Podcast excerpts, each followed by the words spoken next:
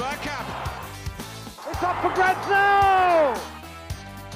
The next station is Arsenal. Velkommen skal du være til en splitter ny episode med Arsenal Station med Magnus Johansen og meg, Simen Goffeng.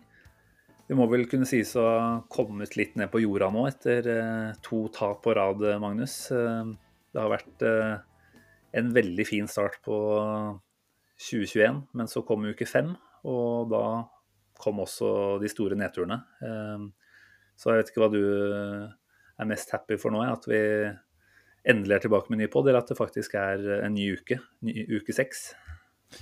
Det er nok sistnevnte, Simen. Vi, vi snakka jo innledningsvis i forrige episode om uh, den knekkebrødpakka som gikk på hodet i sekken min klokka ti på sju på mandagsmorgenen uke fem. Som på en måte satte standarden for, for uka.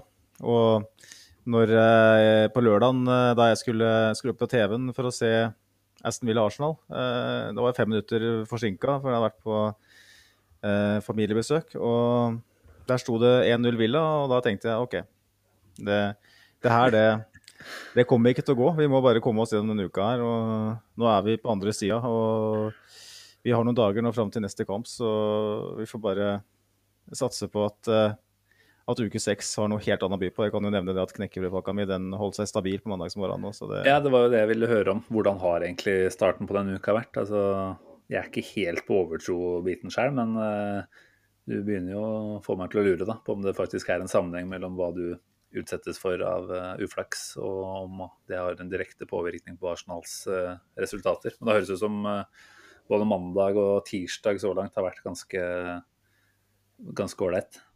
Helt, helt innafor, helt normal. Og for de som hører på Arsblog da, sin, sin podkast, så han James McNicholas han er jo viden kjent uh, for at uh, når ting går til helvete i livet hans, så går ting bra for Arsenal. Um, så er det motsatt her, da. Så alle som hører på, må jo bare håpe at livet mitt uh, er rosenrødt. Uh, Lottokupongen går inn hver uke, liksom. For da, da seiler vi mot det forjettede land. Yes. ja, nei, altså til tross for da to, to tap her nå på rad, som jeg var inne på, så hvis vi skal ta et lite stemningsbarometer, så er vi vel fortsatt ganske ganske langt opp der, er vi ikke det? Jeg vet ikke, jeg kan jo snakke for meg selv først. At jeg har liksom ikke helt klart å Jeg ser mange allerede driver og er ute og rasler litt med sabler eh, i retning Mikael Michael Arteta igjen. Ehm, jeg er ikke der ennå, og det tror jeg ikke du er heller. For vi har såpass mye positivt å bygge på fra, fra det som har skjedd de siste ukene. at eh, et, eh, ja, en dårlig dag, som det tross alt nå var mot Hesten Villa, det får vi på en måte ha en viss aksept for, rett og slett.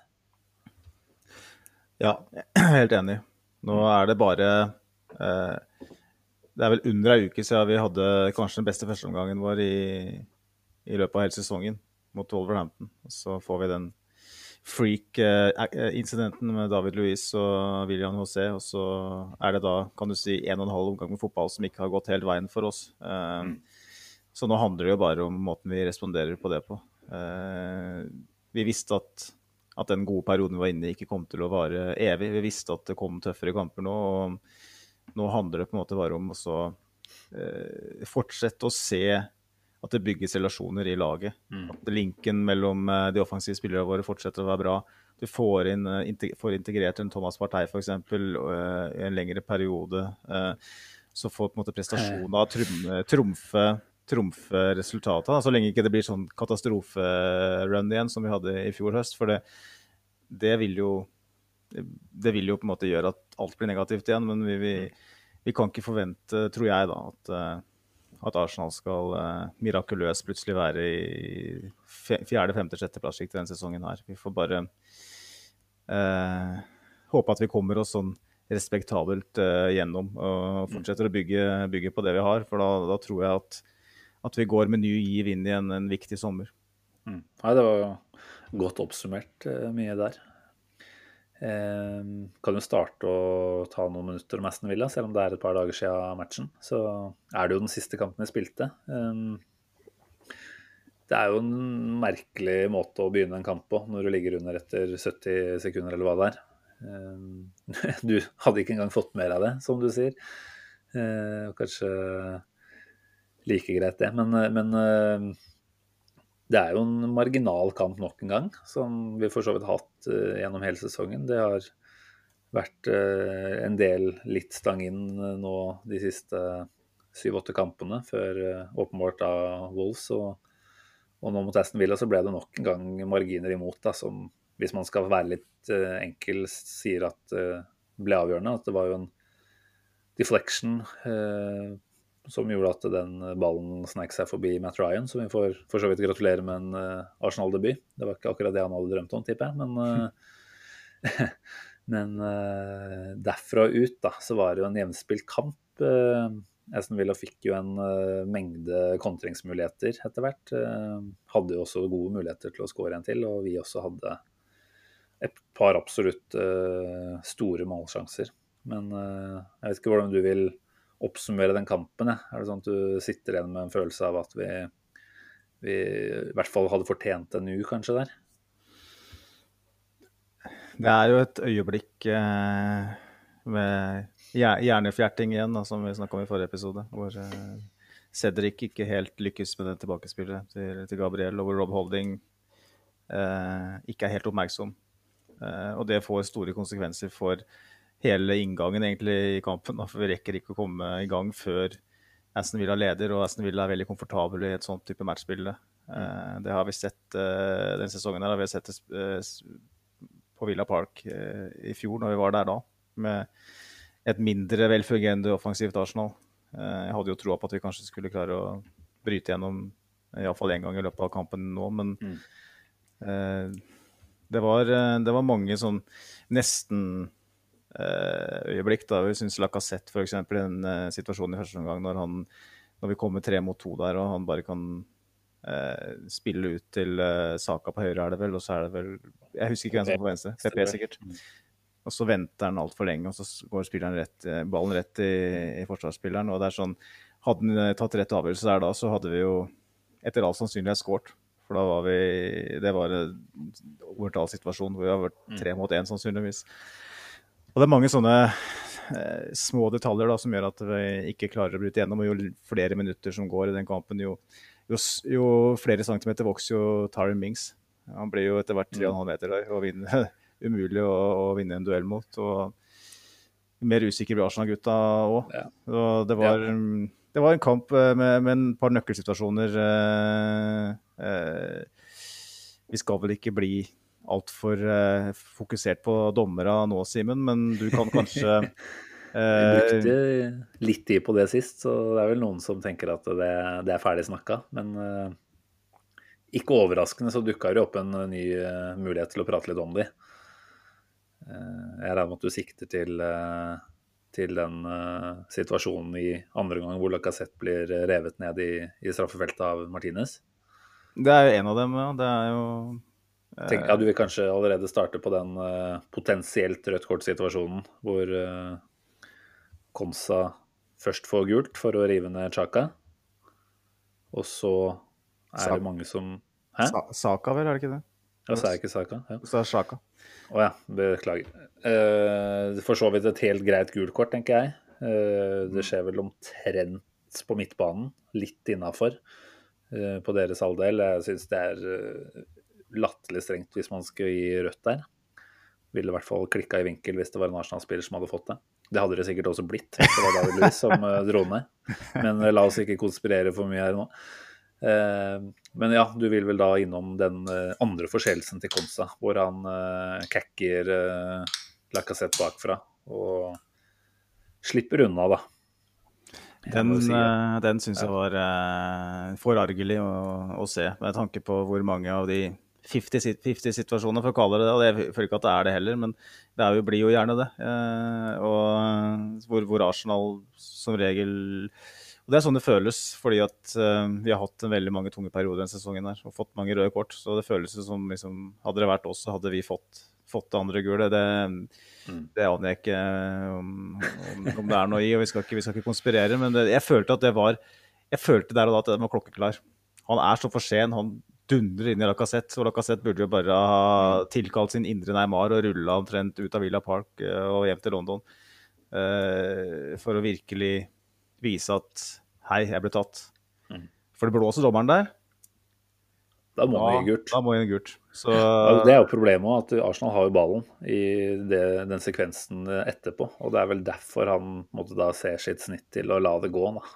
Vise en slags fordel, og så kan du ikke dra, dra den tilbake og gi et andre gule kort etter at du har spilt fordelen. Så, men igjen, en god dommer som mener at det er eh, nok. Det, han blåser jo.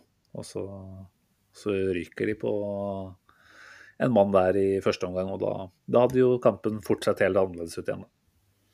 Ja, det er, det er små marginer. Eh, Arsenal og Aston Villa per nå er ganske jevnbyrdige. Og dessverre, får jeg si. Eh, Mm. Og det er eh, De fleste Premier League-kampene er ganske marginale eh, nå, for de fleste. Og da er faktisk Vi, kan, vi, skal, vi skal ikke sitte og si at, skal, at det er dommerne som gjør at vi taper fotballkamper i, i hytte og gevær, men at, at avgjørelser som går imot en type eh, Du får lov til å spille med én mann mer eller én mann mindre i en hel omgang. Har stor stor betydning for hvem det er som uh, går av med seieren. Og det er veldig veldig marginalt i mange situasjoner. Det er, som, du, som vi snakka om, blåser dommeren der på, på Konsa, så, så er han av. Og da spiller vi med elleve mann uh, mot ti. Og da burde vi i hvert fall kunne klare å, å vinne den kampen. Så det er vi skal, vi skal, ikke henge oss opp i det, men det har jævlig mye å bety. Så det, jeg håper at, uh, at vi slipper og jeg håper at Arsenal sørger for at vi slipper å sitte og snakke om, om det her i, i, resten av sesongen. fordi at det er klart, Tar Lacassette rett valg da, i den uh, sekvensen vi snakka om, uh, så er det 1-1. Momentum. Uh, kanskje vinner vi. Så det er, det er ikke bare dommeravgjørelser. Vi kunne ha gjort det her sjøl òg. Vi kunne en Nicolas Pepes som hadde en del gode sjanser. ikke sant? Det er flere muligheter for Arsenal her til å, til å score. så Absolutt. Ja. Nei, men eh, ja, kampen er for så vidt eh, ikke så mye mer å snakke om. Altså, det er den andre straffesituasjonen, eventuelt, hvor Lacassette rives over ende. Der eh, er det merkelig at ikke man går inn og bruker VAR. Jeg skjønner jo fortsatt ikke helt hvordan VAR benyttes fra kamp til kamp. Altså, var det sånn at det, med tanke på at det ble et frispark andre veien, så kunne de gå inn og se på det åpenbart og se at det var feil, eller, eller er det sånn at det på en måte ikke, ikke muligheten var der til å overprøve den? Nei, det er jo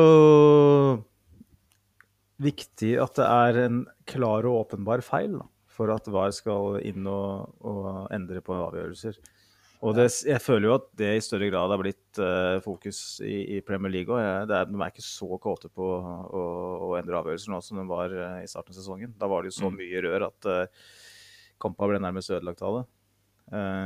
nå er det mer nesten sånn at man sitter og er forbanna for at de ikke går og ser på Mm. en nøkkelsituasjon. Og kanskje skal vi være litt glad for at de ikke tar alt, for det, det hadde blitt jævlig slitsomt. Ja. Og den, den, situasjonen, den er jo eh, Det er klart Den føles jo, etter å ha sett reprisa mange ganger eh, i flere dager etterkant, at jo, den, det burde vært straffespark, men akkurat der og da, så, så når det koker, så kan man jo på en måte forstå at eh, hvor, hvor klar og åpenbar var, for, Ja. var, var det for var eh, gutta akkurat der og da. Selv om jeg, jeg syns jo det er straffespark. Og hvis det er straffespark eh, en, en, en, en motspiller, da, egentlig, som Martinez for så vidt er, selv om han er keeper, eh, ser ikke på ballen i det hele tatt, bare drar ned motspiller rett foran mål når ballen er på veien. Er det rødt kort òg, da, hvis vi skal Mm. bruke regelboka? Ja, ja. Nei, det er noe vi aldri får vite. Vi kommer aldri til å få et straffespark eller rødt kort i, til motstander igjen, så det kan vi bare drømme om, Magnus. Men en ting som jeg syns det er verdt å prate litt om, da, eh, bare for å liksom skru tida tilbake til før kampstart, var eh, lagoppstillinga vår. Gutta som ble valgt. Eh, hadde du noe å utsette for det, på det? Jeg tenkte mitt. Jeg kan bare spørre deg først hva du tenker. Det kan ikke du nå, jeg snakka mye, så nå kan, ikke du snakke, Simen. Jo, nei, jeg var jo der at jeg selvfølgelig ønsker jo å se Martin Ødegaard eh, som nordmann og i forhold til hva jeg tror han kan bidra med. Eh, så han hadde jeg i utgangspunktet sett for meg at kunne få en start her nesten for, ja, for flere forskjellige, da. Men eh, kanskje særlig på bekostning av Smith-Roll. som jeg uh, syns vi så noen tendenser til at begynte å ja, miste litt, uh, litt sprut mot Wolverhampton. Ikke rart, selvfølgelig. Han har spilt veldig mye i det siste. Uh, Sto da 90 minutter mot Wolls mot både én og to mann mer. Masse løping, og så blir du da satt utpå igjen mot Esten Villa tre dager etter. da vi vet at Smith-Roe er en veldig dynamisk type tier, da, som, som, trenger den ekstra lille punchen i, i bevegelsene. Jeg syns kanskje ikke han hadde det i den graden han har hatt tidligere. da. Selv om han selvfølgelig fortsatt funker, og funka som et uh, bra bindeledd, så hadde jeg et håp om at Martin Ødegaard skulle starte. Det var kanskje særlig der jeg var litt kritisk til Arteta. jeg var vel ikke så kritisk før, det er begrensa hvor hvor mye tid man har til å tenke rundt eh, sånne type avgjørelser. Men etter, da, når man får beviset på hvordan ting utspilte seg, så, så syns jeg jo kanskje at det bekrefta antakelsen om at det kunne vært i hvert fall eh, riktig å gitt eh, Smith-Roe en, eh, en, liten pust i bakken der. Jeg syns det er på kanten til urettferdig å sette den på, og da på mange måter si at du forventer nok en god prestasjon når han har kommet så til de grader inn fra sidelinja i løpet av denne sesongen her. Og spilt masse nå i det siste. Jeg føler ikke at han blir gitt en ordentlig god mulighet til å skinne da, på samme måte som han har gjort tidligere. Eh, og litt i det forlengelsene så begynte jeg bare å tenke på hvor mange matcher er det han faktisk nå har spilt på rad. Og det er ni stykker, for han kom inn mot Chelsea. Og så tenkte jeg bare litt sånn Ja, hva, hva har dette å si i forhold til hvordan, Hvis du skal sammenligne med f.eks. en Phil Foden, da, som uh, har uh, blitt gradvis uh, dytta mer og mer inn i City, men som uh, selvfølgelig ikke laget er like avhengig av som det Arsenal har vist å være av Smith-Roll. Da ser man jo at til sammenligning så har Phil Foden kun starta fire matcher på rad som sin lengste streak. Da. Og det tenker jeg jo kan tyde på at Guardiola har vært litt for forsiktig. Det er en sak, men det i hvert fall jeg sitter med, er at Arteta nå kanskje er litt vel for optimistisk i forhold til hva han tror han kan få ut av Smith-Roe kamp etter kamp etter kamp. Eh, alder tatt i betraktning, eh, så, så syns jeg at det er litt grann eh, ja, Kall den litt sånn svak, eh, litt lite tøff avgjørelse. da. For Det har vært eh, åpenbart at Smith-Roe nå har vært nøkkelen til mye av det offensive spillet vårt de siste par månedene. Og Arteta har helt åpenbart et godt beslutningsgrunnlag når han velger å, å sette ham på igjen. Um, tenker vel som så at uh, Ødegaard ikke kan tilby det samme ennå.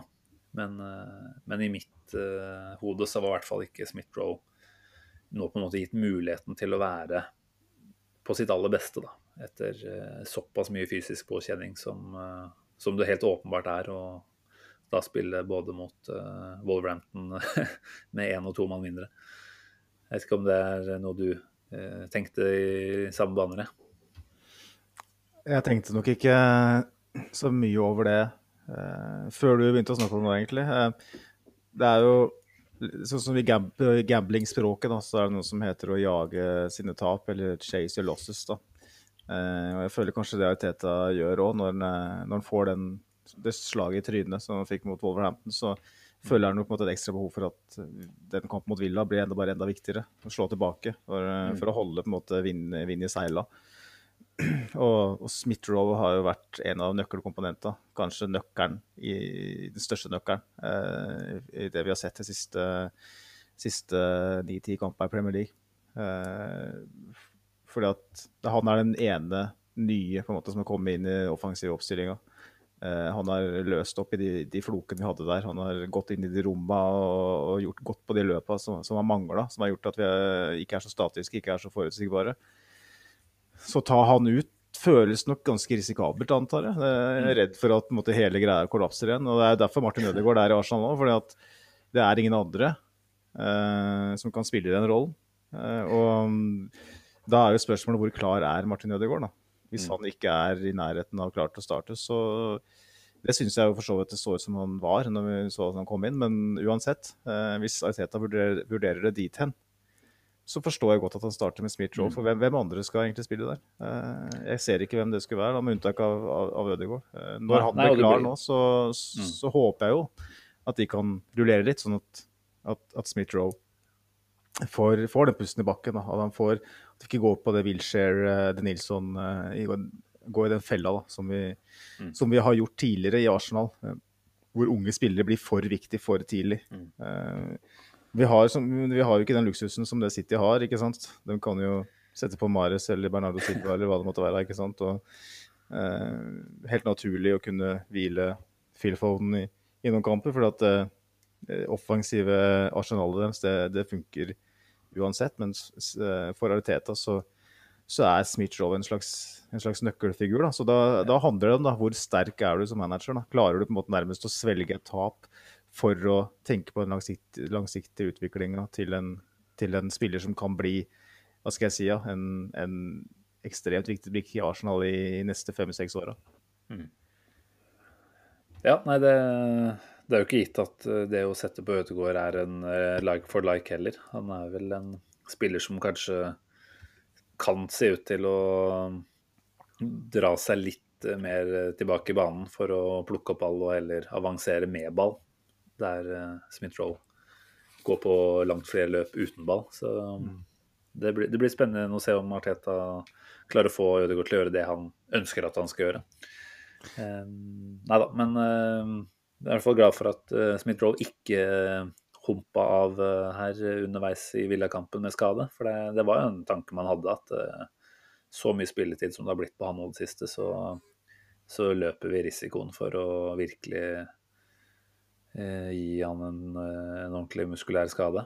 Eh, det var det dessverre en annen kar som eh, dro på seg, så det ut til i hvert fall. Jeg vet ikke om det har kommet noen ordentlige rapporter på hva som er status på Thomas Partein, men eh, han måtte jo av etter en drøy time. Og det er vel noe vi kanskje kan begynne å være litt bekymra for. Eh, at uh, ganeseren nå begynner å bli en liten sånn tilbakevendende skade, skadeplaga spiller. Ja, og det er jo litt, eh, litt i tråd med det vi nettopp snakka om òg. At eh, hvis uh, nøkkelspillere som eh, Thomas Partey og Kieran Tierney, som begge er viktige i måten vi angriper på, stadig vekk er ute med, med skader her og der, så vil jo spillere som Smith-Roe og Saka bli enda viktigere. Eh, men når det gjelder, eh, når det gjelder Partey, så, så mista han vel var det fem kamper på alle de åra han var i Atletico. Mm. Og nå har han vært ute i 10-12 eller noe sånt for Arsenal allerede. Stian Børling eh, stilte vel spørsmålet til oss eh, i forkant av innspillinga her. Eh, skal vi se, han skriver Hva i alle dager gjør Arsenal på treningsrommet og banen som gjør at vi får så mye skader? Partey var aldri skada før. Um, klarer vi å svare på det, Simen? Oh. For å svare på det første, da. Så mye skader er vel kanskje ikke helt riktig.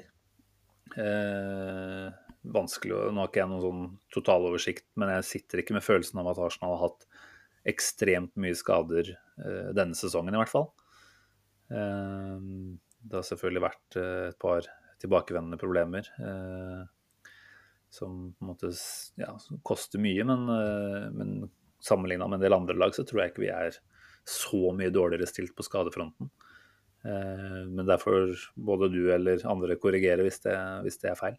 Men når det gjelder Thomas Party, hva er det som kan forklare at han plutselig, da, eh, ser det ut til har en, eh, en helt annen ja, fare for å bli utsatt for skader?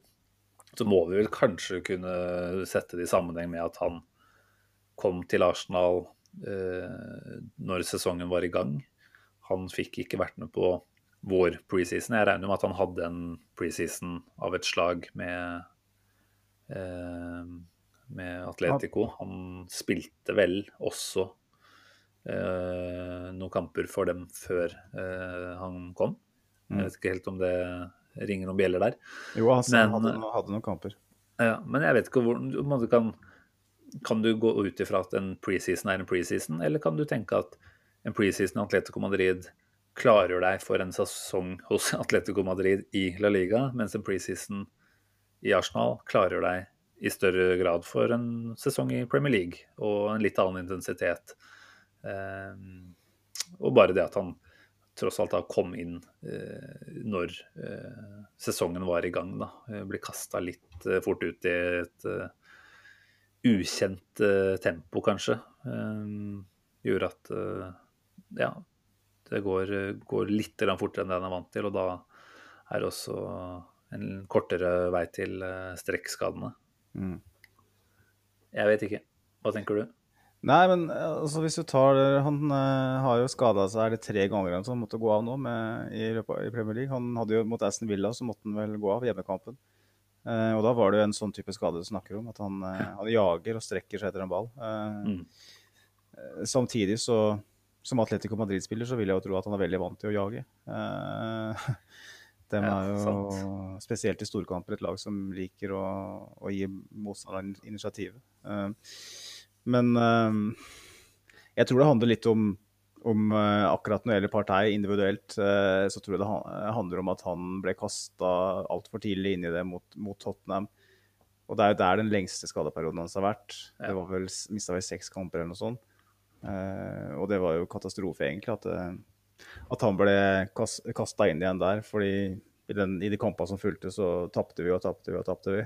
Uh, og du ser for deg i kamper hvor Arsenal slet med å som spilte den der, Kall det den der hesteskofotballen som vi var spilt i en periode, da, hvor vi bare slo på tvers og bakover hele veien.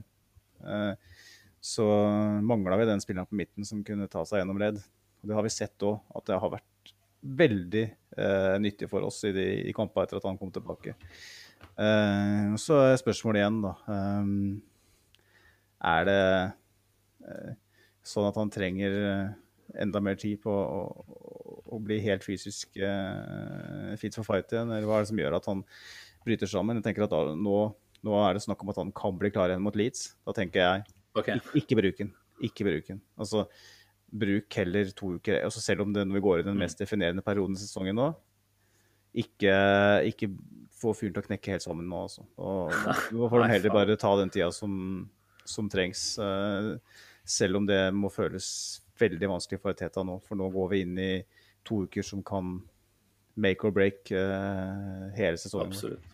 Ja, det er noe vi kan snakke litt mer om uh, etter hvert også, hva vi har i vente nå. Selv om kampoppsett for så vidt er kjent for alle, så er det noe med å snakke litt mer i i konkret form hva er det de to ukene her byr på. Men eh, jeg tenker du har nok eh, et, et, stort poeng når det gjelder eh, det med å ha litt mer is i magen. Der må Arsenal klare og tørre å være sjefen og bestemme. Altså, Party har selvfølgelig et ansvar selv òg for å si noe om hvordan kroppen føles, men som ny signering, som han er jo ikke blind. Han ser jo at eh, laget sliter, og han og har jo en forståelse for at uh, det er forventa at han skal bidra med, med mye her.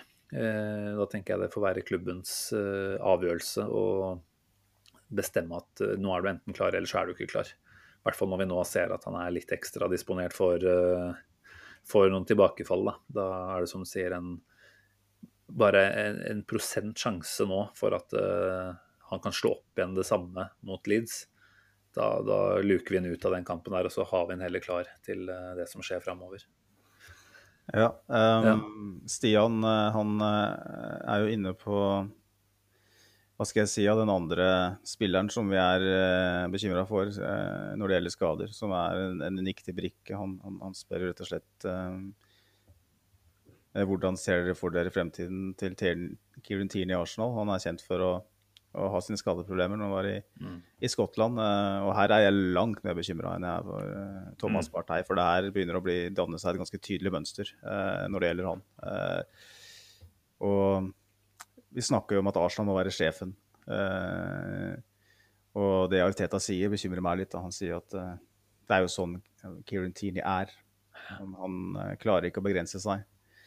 Uh, og Det overrasker meg litt uh, at han er så åpen på det òg. Uh, mm -hmm. Han er jo ikke en Alexis Sanchez, vil jeg tro. Kirin Tierney. En sånn type som er helt umulig å håndtere. Som Arsenal måtte plukke ned fra klatreveggen når han hadde hamstringskader og sånn.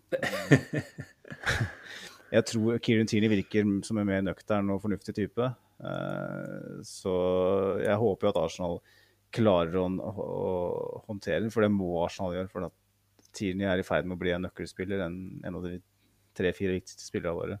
Mm. Og bekymrer meg veldig at, uh, at han til stadighet er ute. Uh, du kan jo kanskje svare, Simen, på, på, det med hvordan du ser for deg at, at fremtidas Arsenal blir, da, i lys av det vi, vi har sett.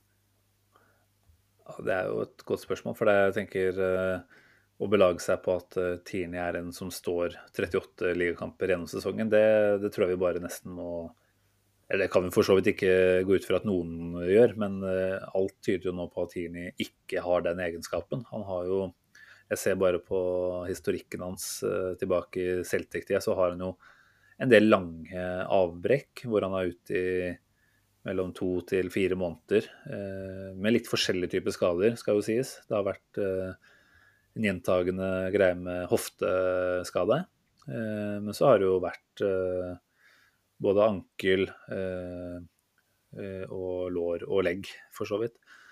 Eh, nå har det vært beskrevet at han har en diskomfort i eh, det ene beinet, uten at de har spesifisert hva det gjelder. Eh, men det som da på en måte bare var en eh, litt sånn føre var withdrawal fra en tropp, har nå vært, nå har han vel vært ute i fire eller fem kamptropper på rad.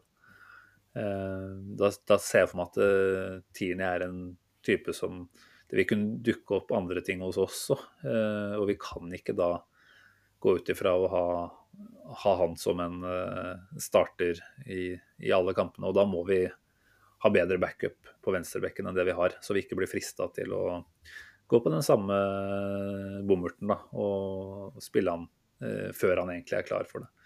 Nå har vi hatt eh, Cedric eh, med litt varierende hell, vil jeg si, de siste rundene. Eh, vi er vel bare tilbake på forrige pod hvor vi satt og beklaga oss nesten for at vi hadde vært negative til han tidligere. Men mot hesten Villa nå viste han jo nok en gang at Det er kanskje ikke det at han var plassert på venstrebekken som var problemet der, men at han, han har dessverre ikke et sånn toppnivå inne som vi trenger. Eh, det første jeg tenker er Arsenal trenger en bedre backup, sånn at vi kan i litt mindre grad eh, måtte pushe Tierney tilbake før han er helt klar. Og så, så må vi bare igjen sørge for å eh, ta den beste avgjørelsen for han, hvis han kanskje sliter litt med det selv. Jeg har fortsatt ikke lyst til å si at jeg tror dette her henger sammen med at han går i shorts og dropper stillongsen eh, på hver eneste vintertrening. Men eh, man begynner å lure litt etter hvert på om eh, gutten skulle lært å kle på seg, rett og slett. Det kan jo være et poeng. jeg vet ikke, jeg tror ikke det egentlig, men kanskje. Nei, jeg vet ikke. det er jo ikke, sykdom det er snakk om, det er skader. Så... Nei, nei, nei. Nei, nei, hva kan vi forvente av Tierney? Har du noe Altså antall kamper, hvor mye kan vi forvente? Er det sånn at hvis han er tilgjengelig 20-25 ligakamper i sesongen, så får vi være tilfreds med det? Nei, det vil jeg ikke si vi er tilfreds med. Uh, og da, da, er det store spørsmålet uh, Hvis, hvis Kieran Tierney fortsetter uh, i det sporet her, og er utilgjengelig i si halve sesongen omtrent er det slik at vi må vurdere et nytt førstevalg på sikt? Eh, jeg vil ikke gå dit enda, men eh, det er jo på en måte sånn Hvis vi forskutterer litt, da, eh, litt sånn fiktivt, og tenker at, at det her fortsetter, da, da mener jeg at da, da, kan vi ikke gå i den samme fella som Wenger gjorde med van Persie. da. Så, så på en måte venta tre, fire, fem år på at van Persie skulle endelig skulle holde seg skadefri. Mm. Og kasta inn uh, Shamak uh, Ashavin som midtspiss, ikke sant, bare for å ta noen eksempler. Vi, nå spiller vi med en uh, høyreback på, på venstre, venstre, som venstreback. Og Bukayo Saka til stadighet må ned dit og, og, og vikariere, som er veldig veldig viktig for den offensive lagdelen vår. Uh, da, da, må vi se oss, etter, se, se oss om etter en, en, som er like god, i, bortimot iallfall, som kan uh, uh, rullere med, med Tierney. Det har vi sett flere klubber gjøre, at de har to gode backer uh, på, hver, på, hver, side. Uh, det er kanskje løsningen. da. Og jeg vil jo gjerne at, at Kieran skal være Arsenal-spiller i, i, mange, mange sesonger fremover. Men vi må, vi må, vi må, vi må kunne forvente at, at førstevalget vårt på, på bekken, som i tillegg da kanskje er den beste bekken vi har i klubben, skal være i hvert fall si 30 kamper i Premier League i, i en, en god sesong. Det er helt sant. Er det sånn man kan forklare det her med hvem som leder den fysiske treninga på, på styrkerommet og på feltet, eller? Altså, ikke at jeg har fullstendig oversikt her, men det har jo vært utskiftninger de siste årene. Shad Forsight husker vi jo var inne, og så var han ute igjen etter bare et par år. Det var jo mye som tyda på at han fikk eh, ganske god skikk på en del av de muskelskadene som vi har slitt med Eh, tidligere år. Eh, vet ikke helt hvem som på en måte er eh, hovedansvarlig for den fysiske treninga og følge opp status på spillerne. Vet at vi har fått tak i, eller driver og får tak i, han brasilianske fysioen til PSG. Men jeg vet ikke om du kan på en måte felle noen dom over hvilken fysio slash doktor er det som har, har ansvaret for dette her? Nei, det har som du sier, vært veldig mange omveltninger i klubben de siste to-tre åra. Uh, Gary O'Driscoll er fortsatt i, i klubben etter at han uh, flørta veldig med Liverpool. Um, som vel ansett som veldig positivt. Uh, mm. Det at Liverpool vil ha han, det sier vel sitt.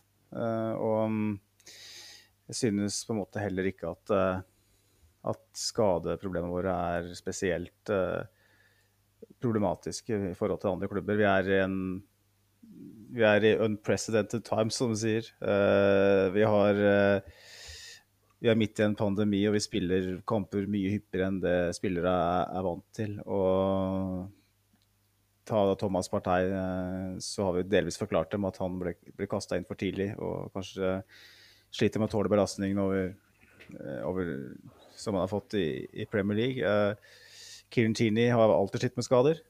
Um, hvem andre er det vi egentlig har i stallen som på en måte er veldig mye skada? Hvem er det? det? Jeg føler ikke at vi har noe problem der i det hele tatt. Det er mer den individuelle oppfølginga um, mm. som, som, Arsenal tidligere òg har vært ganske svake på. Vi hadde jo perioder hvor uh, spillere som absolutt burde hatt en annen treningsbelastning, ikke, ikke fikk det. Uh, derfor så ble det jo uh, kjøpt inn et veldig dyrt sånt GPS-system som fulgte spillere I seks måneder var det vel før de får danne seg et bilde av hva slags type belastning de, de tåler.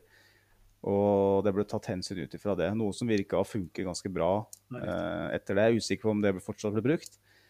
Eh, og det kan jo kanskje når det gjelder Thomas Partei, så kanskje er det en prosess vi er inne i nå. Eh, å kartlegge mm. hva slags type belastninger han tåler. Men eh, at Arsenal eh, har noen sånne problemer med skader eh, eller har noen type belastning eller treningsmetoder som gjør at vi har mer utstått enn andre, det, det syns jeg ikke. Altså. Spesielt med tanke på at vi spiller kamper mye oftere nå enn hva som er vanlig. Så. Ja, nei, Det er jo et uh, veldig godt poeng, det òg. At den belastninga man ser i år, den har vi tross alt klart å stå ganske godt i, da. Uh, så får vi banke i bordet det, når vi sier det, og satse på at uh, eh, nå har vi jo for første gang denne uka her faktisk en hel uke mellom uh, kamper. Det er jo et håp om at det kanskje bygger enda litt mer uh, fysisk overskudd òg. Og sørger for at skadene er enda lenger unna. Får vi satse på.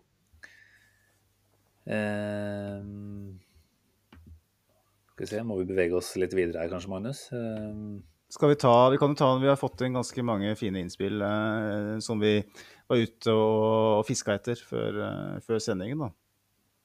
Uh, vi kan jo uh, Kan jo bare ta med alle først? Jeg tror egentlig vi har snakka ferdig om spørsmålet til Johan Smedsrud. Han spurte jo om hva vi syns om de to siste kampene.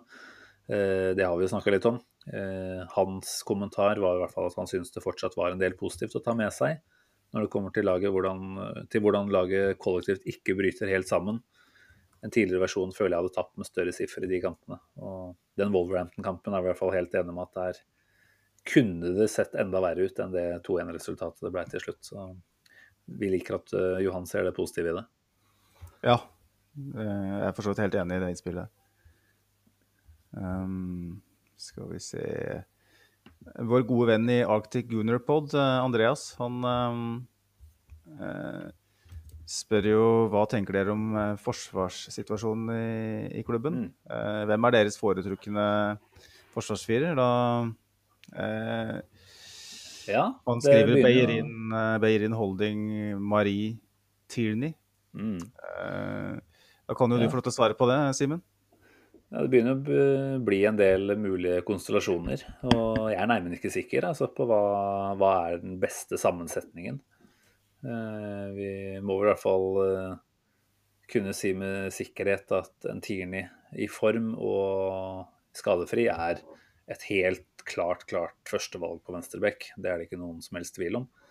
Eh, mens begge stoppeplassene, i hvert fall for min egen del, syns jeg er litt, litt vanskelig. Altså Holding har vært solid denne sesongen.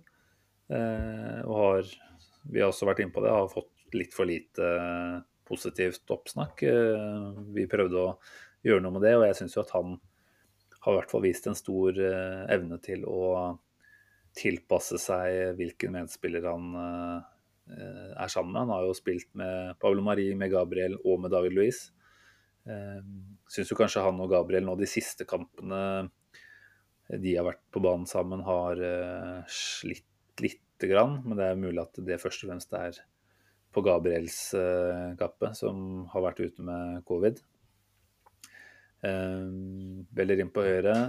Vanskelig å si seg uenig med tanke på at uh, Cedric bare er Cedric. Men, men, jeg er nok der at jeg ikke har vært Jeg syns ikke Bellerin har levd opp til det man kunne håpet. nå har han vært i klubben i syv-åtte år, er på en måte i sin beste alder, 25 år.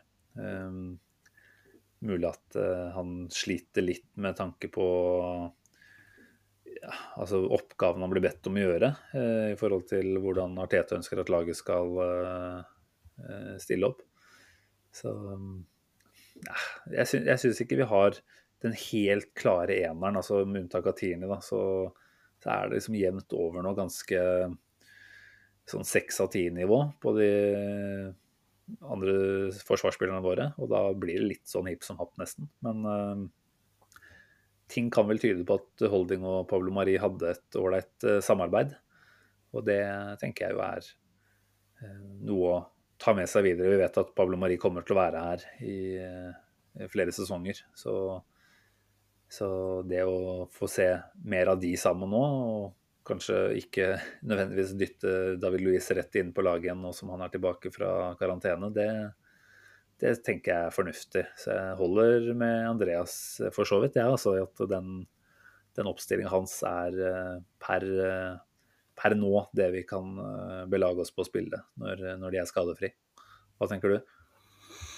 Nei, um, stort sett enig. Jeg skal ikke utbrodere altfor mye. Jeg syns du har sagt mye riktig her. Uh, jeg syns nok at, uh, at Gabriel uh, bør eh, spille hvis han er i nærheten av sitt beste nivå. Han ble vel månedens spiller tre måneder på rad i, fjor høst. Jeg vet ikke hvor mye det sier om resten av laget, men han var jeg syns han var god. Han er 22 år. Han uh, har det potensialet, tror jeg, til å kunne være en, en stopper på et, et topplag over tid. Mm. Jeg syns Pablo Mari eh, er en, eh, en, en, veldig god og OK eh, spiller, men jeg tror ikke han holder Eh, Hvis vi skal liksom begynne å snakke om topp fire og det, hva skal jeg si, og, det, og så videre. Og jeg tror heller ikke at Robbie Holding gjør det heller, på sikt. Men eh, per nå så ville jeg vel kanskje ha bytta ut Mari med, med Gabriel. og og that's it, egentlig. Uh, jeg er usikker på om Beirin er bedre enn Cedric akkurat nå. Uh, selv om jeg mener at Beirin er en, en bedre fotballspiller, så syns jeg Jeg er en av de som har støtta han denne sesongen her, men jeg syns det begynner å bli noen kamper nå hvor det ja, begynner bli, Jeg begynner å forstå litt mer hva andre snakker om. Mm. Uh, litt for lett å passere. Litt for mange feil valg offensivt.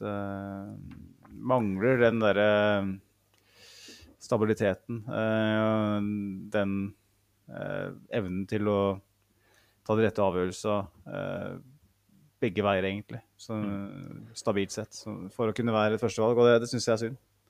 Altså, Vi trenger ikke å snakke så veldig mye mer om det her, men jeg syns jo Bellerin absolutt hadde hatt mer nytte av en liten tur på benken og en slags Ikke en wake-up call, for han vet jo at det er en konkurranse der, men fått kjenne litt på det, da. Eh, I den grad klippekort er noe som er utdelt på det laget her, så har jo Beirin hatt det til en viss grad. Han starter vel stort sett hver eneste kamp når han er skadefri. Eh, og da ser vi jo igjen at eh, det å ikke ha en eh, ren eh, backup på venstrebekk for Tierney, gjør at vi da må bruke Cedric der, og hvilket fører til at han ikke kan eh, være med å utfordre Behrin i enda litt større grad. Da. Så nei, det er, det er noen følgefeil. Og jeg tror absolutt at Behrin med en liten tur på benken kunne få tid til å samle tankene litt og, og kjørt på med litt mer eh, futt eh, framover. Men eh, akkurat nå så ser det ikke ut som vi har muligheten til å, til å benke noen av dem. Nei. Eh, Um, men eh, det er i hvert fall dagens uh, forsvarsfirerprat. Um, kommet eh, ett spørsmål til på Facebook fra Alex eh, Reiertsen. Han eh, spør blant flere ting, egentlig. Jeg plukker ut én først og fremst der. Han spør hvor mange flere nullpoengere eh, ja, tåler vi da, før Arteta er på tynn is igjen. Eh, kanskje et litt eh, tabloid spørsmål, men vi kan jo prøve å servere et litt greit svar på det, Magnus. Hvordan vurderer du ståa? Så kan vi ta det i en slags, eh, slags eh, dreining over på å snakke om de neste kampene, og hvordan det ser ut. Vi var inne på det innledningsvis. Eh, Vi eh, har vel kommet dit hen at sesongen i, Premier League når, det gjelder å oppnå noe type europacupspill og sånn, begynner å se litt vanskelig ut. Og det var noe vi allerede snakka om i, i fjor høst.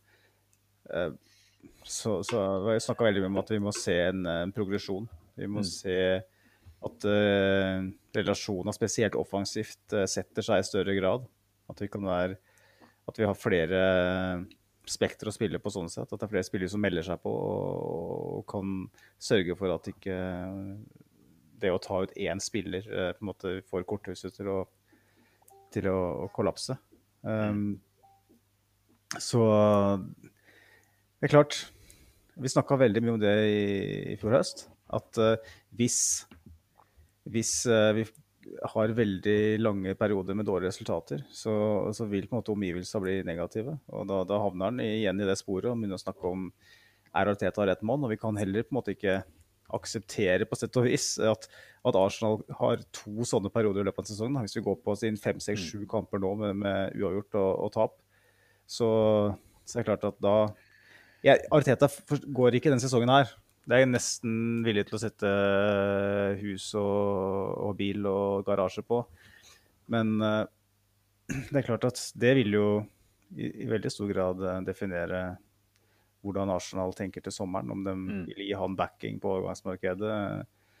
Dukker det også dukker det opp en, en åpenbar uh, managerkandidat som, som kan ta Arsenal veldig kjapt eh, i den riktige retningen, så kanskje vil det vurderes i, Mm. i, større, i større grad. Da. Men uh, jeg tror at Teta tåler ganske mange nullpoengere til uh, denne sesongen her. Selv om vi allerede er oppe i ti, så, så, så tror, tror jeg det. Og jeg tror det er helt riktig. òg, For jeg tror, nå er det en erkjennelse fra klubben og fra oss som supportere, og tror jeg i, veldig, i, i all hovedsak at den Arsenal har blitt vanndrevet i mange, mange, mange sesonger nå. En av de dårligst drevne klubbene i, i Premier League, uten tvil.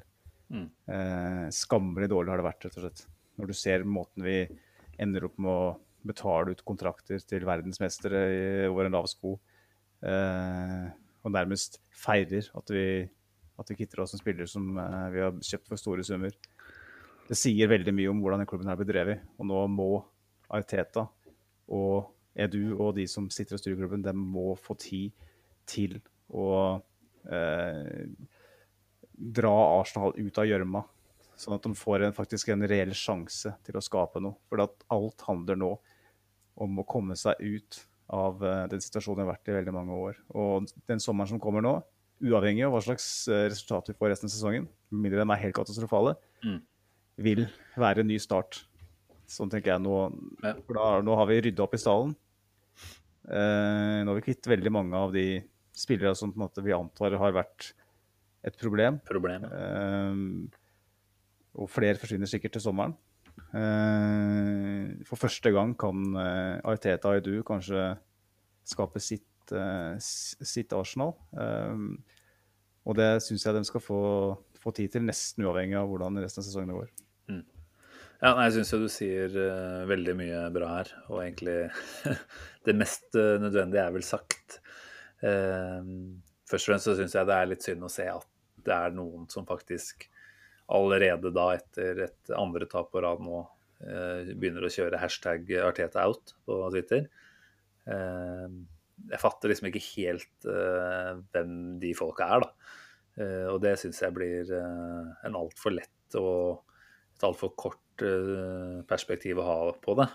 For å vurdere Arteta fra kamp til kamp, det, det er ikke noe vits i. Men man må på en måte prøve å se det over en litt større periode. Og vi har nå hatt en lengre periode med ganske mange oppløftende resultater. Og så, så blir det, da, som du er inne på, veldig spennende å se om man klarer å unngå at vi havner i en sånn veldig negativ trend nå, hvor det blir eh, flere tap og eventuelt mange kamper uten seier. For da, da sniker det seg jo inn en slags eh, følelse av at Arteta ikke klarer å, selv på den spillergruppa han har nå, eh, ja, sørge for å få en omstilling til å skje. Da. At det er Altså, vi har jo sett det litt med Solskjær. Han har eh, hatt lange positive og så lange negative perioder.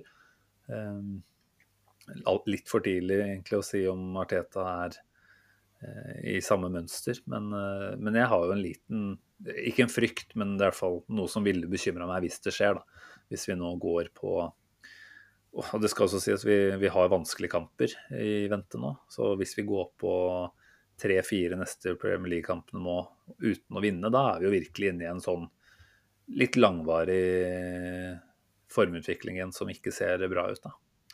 Så bare for å ta det kort, da, siden vi først er inne på det. Vi har jo da Leeds, som du har sagt, til helga. Det er jo en uh, nesten litt sånn coin flip-kamp, uh, tenker jeg. Uh, det er ikke noen sånn følelse av at Leeds er et lag som vi står godt til, og vi hadde jo fru Fortuna i eh, ryggen som slapp unna tap mot de på bortebane.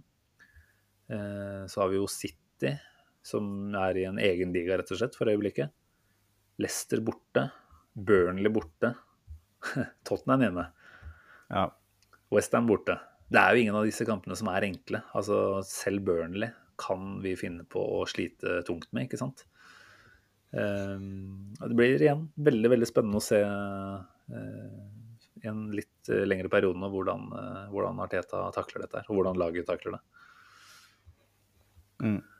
Um, Og det bare for å gjøre det enda enklere, da, så har vi jo to knockout-kamper mot Benfica i Europaligaen, som selvfølgelig er kjempeviktig. Eh, Det er nok eh, vel optimistisk å tro at vi skal gå helt til topps i Europaligaen, men eh, henge med der og ha noe å spille for utover i sesongen og fortsatt ha en mulighet på en europaplass der, da, en Champions League til og med, det ville jo vært, vært veldig ålreit å, å ha som en sånn vedvarende greie resten av sesongen. Ja, og um, det snakka vi litt om før sendinga òg, Simen. At uh, uh, hvis Arsenal nå skulle gå på uh, marerittrekke de neste to ukene nå og ryke ut av Europaligaen, og i tillegg kanskje forspille alle muligheter i Premier League, så står vi plutselig med to-tre måneder, eh, kanskje tre måneder, med kamper som eh, det er viktig på sett og vis, men det er ikke kamper som på en måte er sånn livsviktige, som vil kunne gi deg noen form for uh, gullgryte på enden av regnbuen. Eh, og mange vil kanskje da si at ja, men da kan jo Ariteta bygge uh, fram mot neste sesong og bare fokusere på å bygge langsiktig. Men jeg tror at det er farlig, da.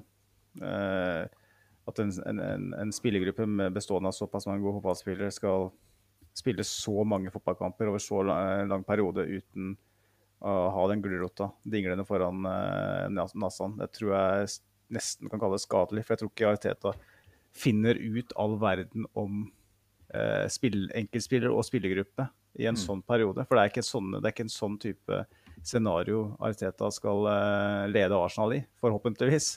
Nei.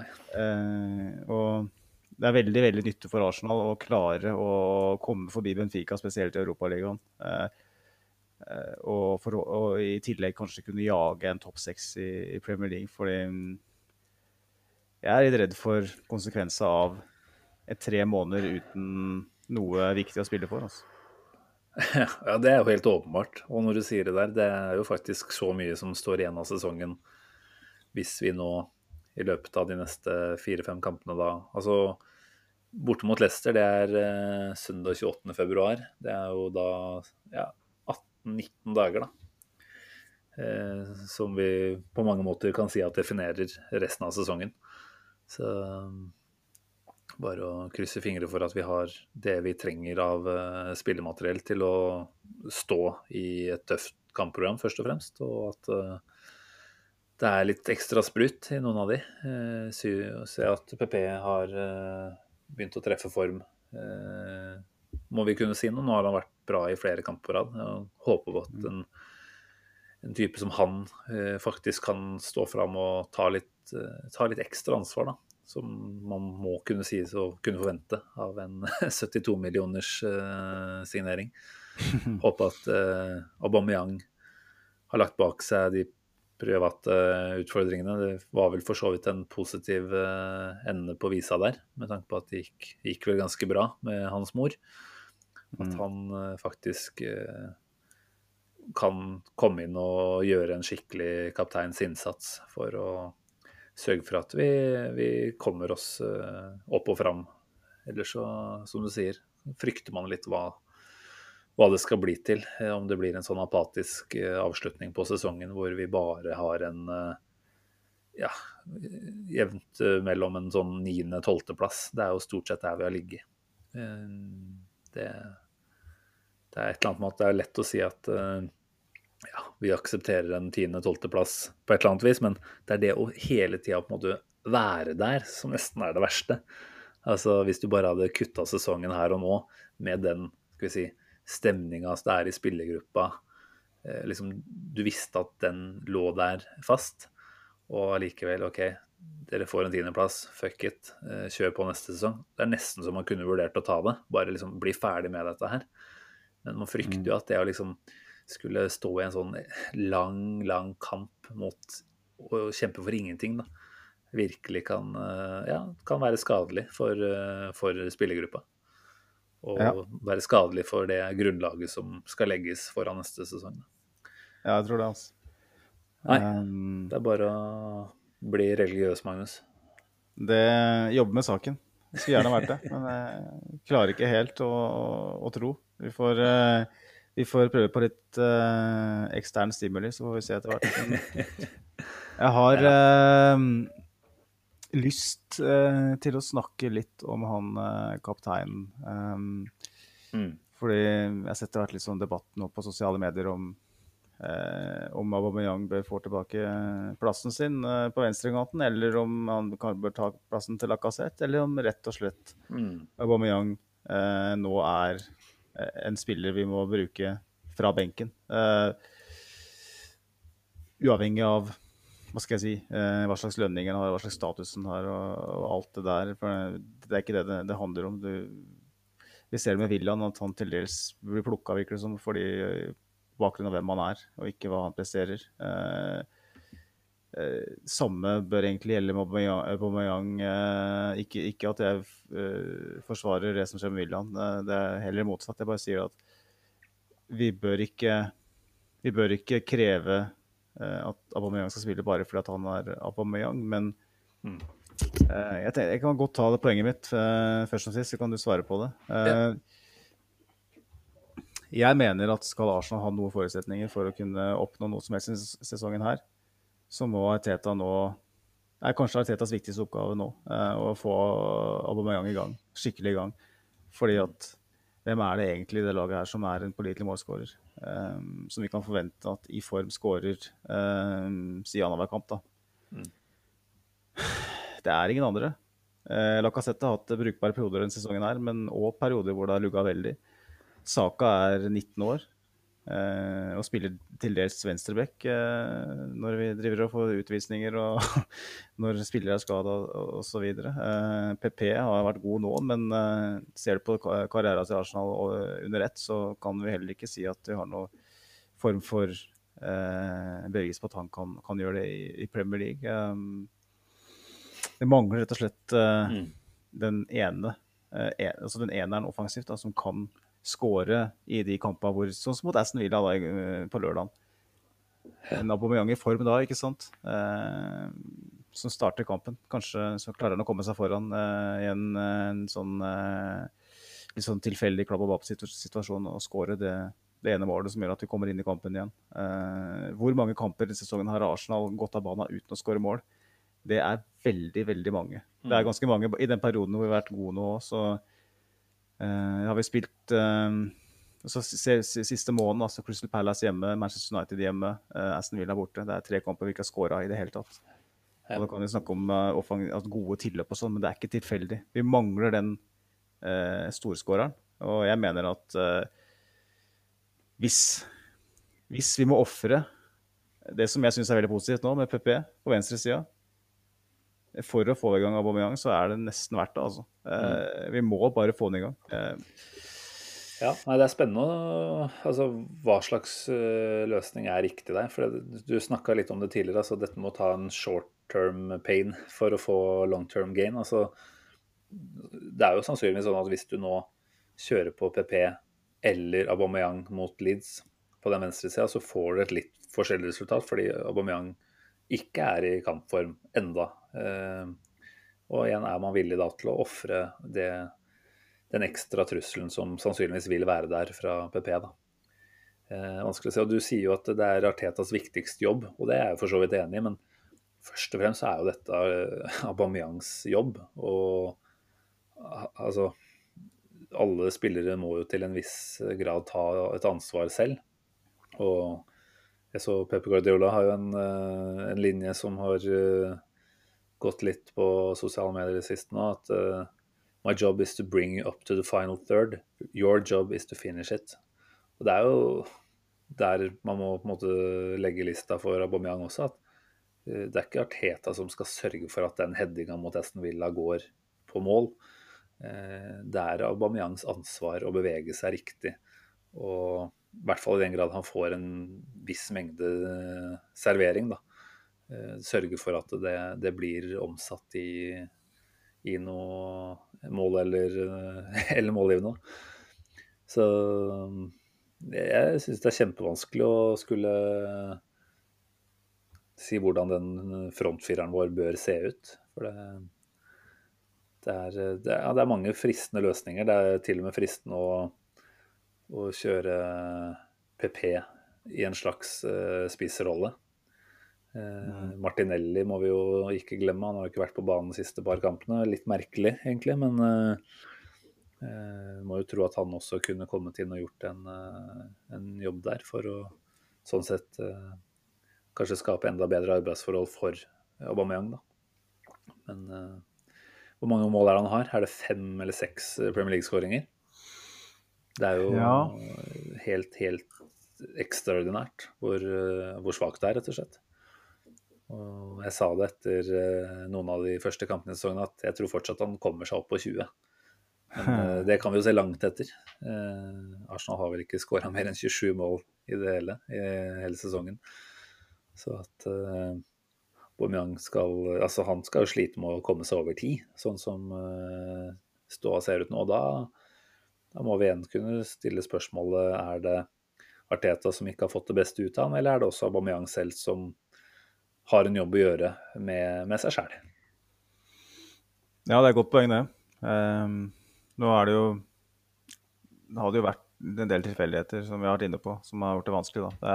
Um, når den endelig virka å, å vise litt av sitt gamle jeg, så skjedde det et viktigere ting på privaten som gjorde at han ikke kunne, kunne være med. Og når han kom tilbake nå, så plutselig har vi på en måte funnet en, en annen formel eh, offensivt, spesielt med PP på venstre. Sånn, det føles veldig feil å skulle plukke han av nå. Jeg syns jo um, det er jo lett å si at ja, men da kan jo han kanskje komme inn på høyresida og gi saka noen, eh, en kamp eller to eh, med hvile. Men du så det mot Aston Villa. Med en gang du satte han opp på høyre, så var han tilbake til gamle mm. synder. Det er mulig at det er litt, eh, litt, lite å basere det på, da, men det virker som han har funnet noe på venstresida som eh, er vanskelig for motstanderen å håndtere. Eh, han, når han kommer på, på høyresida, så er det igjen den der litt sånn stakkato. Eh, trekke inn fra og prøve å bruke venstre beinet. Og veldig veldig lett å lese for alt og alle. Ja.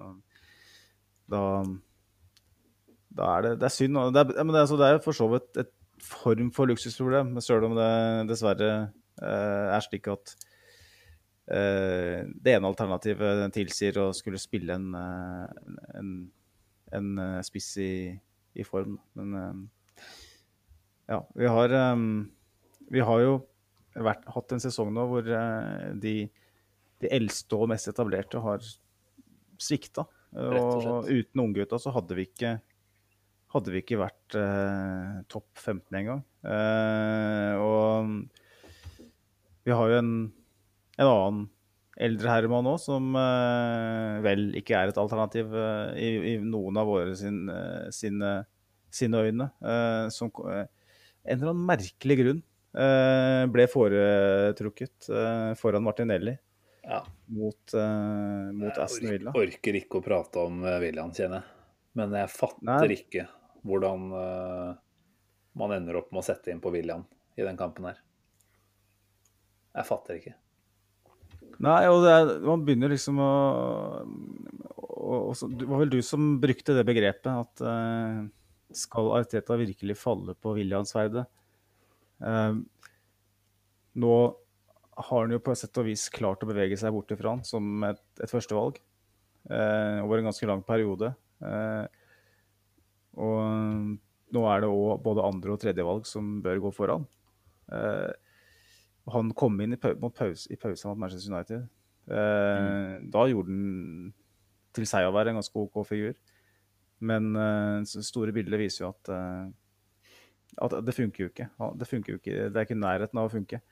Og når du trenger Den eneste, eneste scenarioet jeg kan forstå at dagens versjon av William skal kunne være en OK spiller å sette inn, er hvis vi leder 1 eller 2-0, og vi trenger en spiller som bare kan gjøre ting enkelt.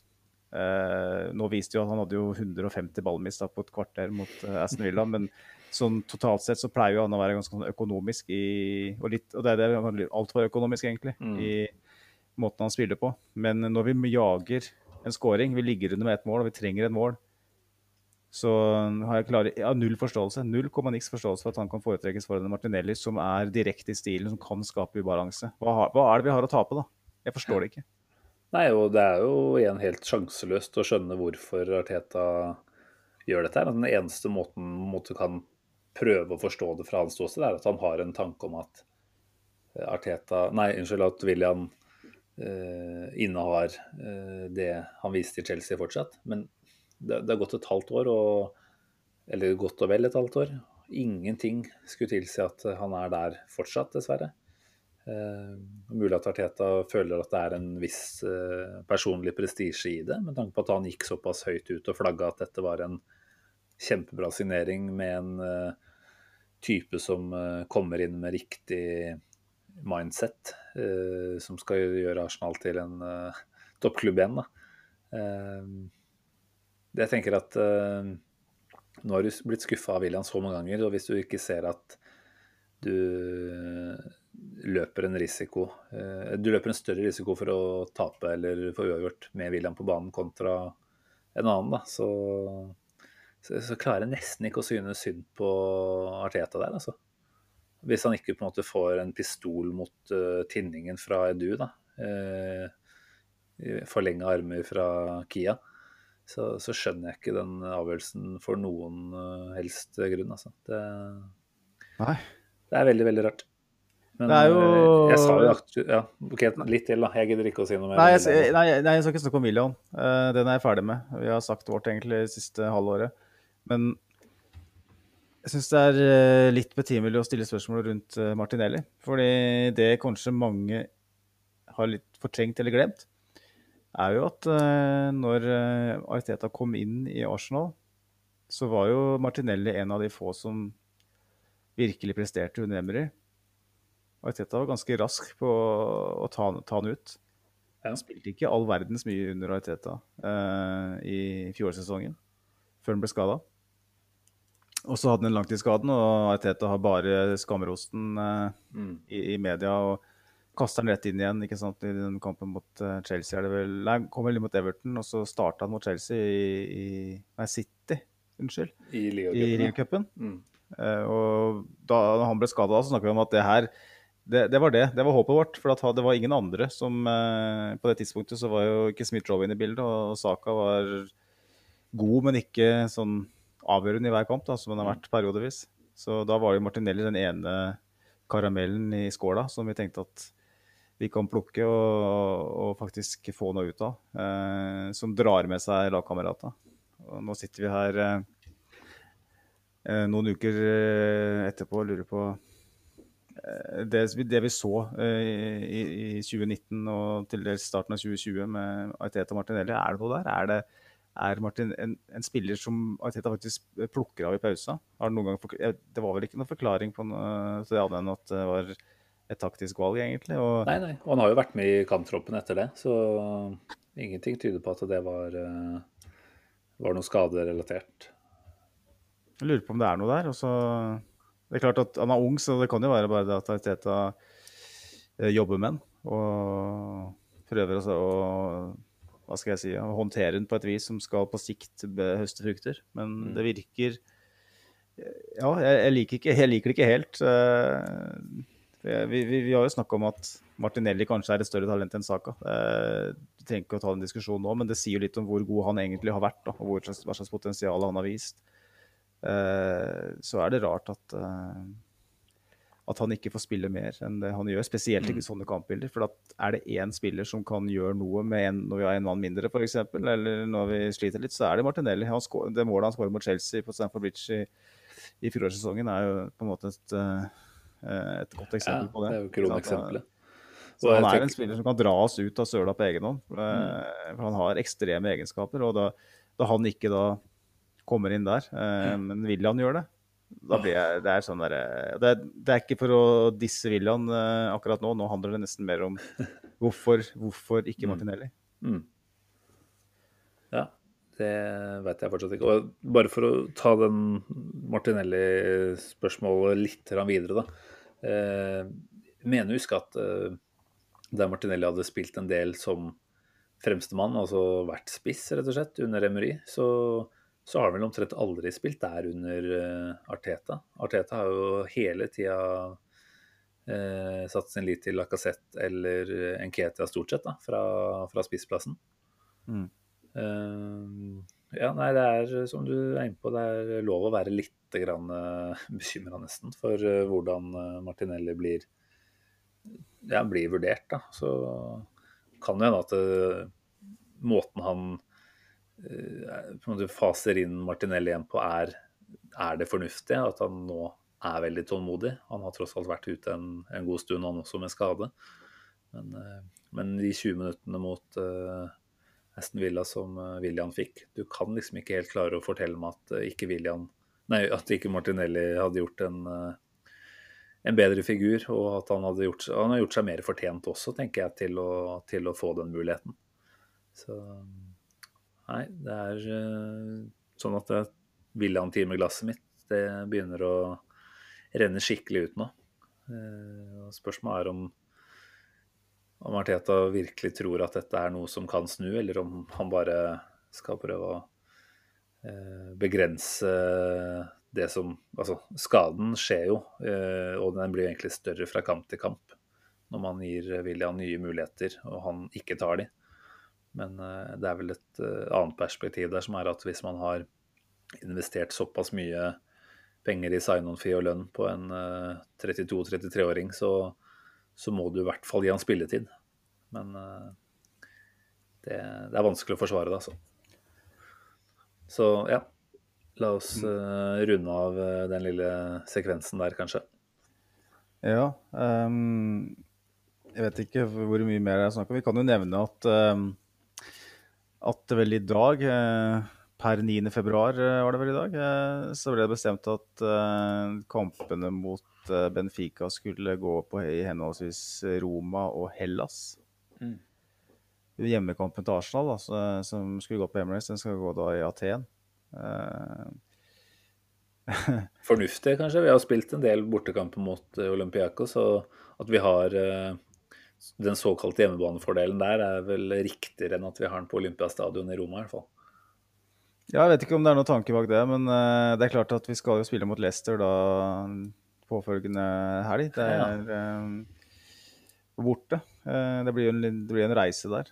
Ja, det er godt poeng. Som uh, ikke ville skjedd hvis vi hadde spilt i England. Så jeg vet ikke hvor happy jeg er med, med det, egentlig. Nei, eller hvor, hvor, sjanseløst det hadde vært. Og jeg vet ikke hvilke land som er grønne, gule eller røde om dagen, men kunne det vært mulig å spille den kampen i Frankrike f.eks., så hadde du hatt en mye kortere reisevei også.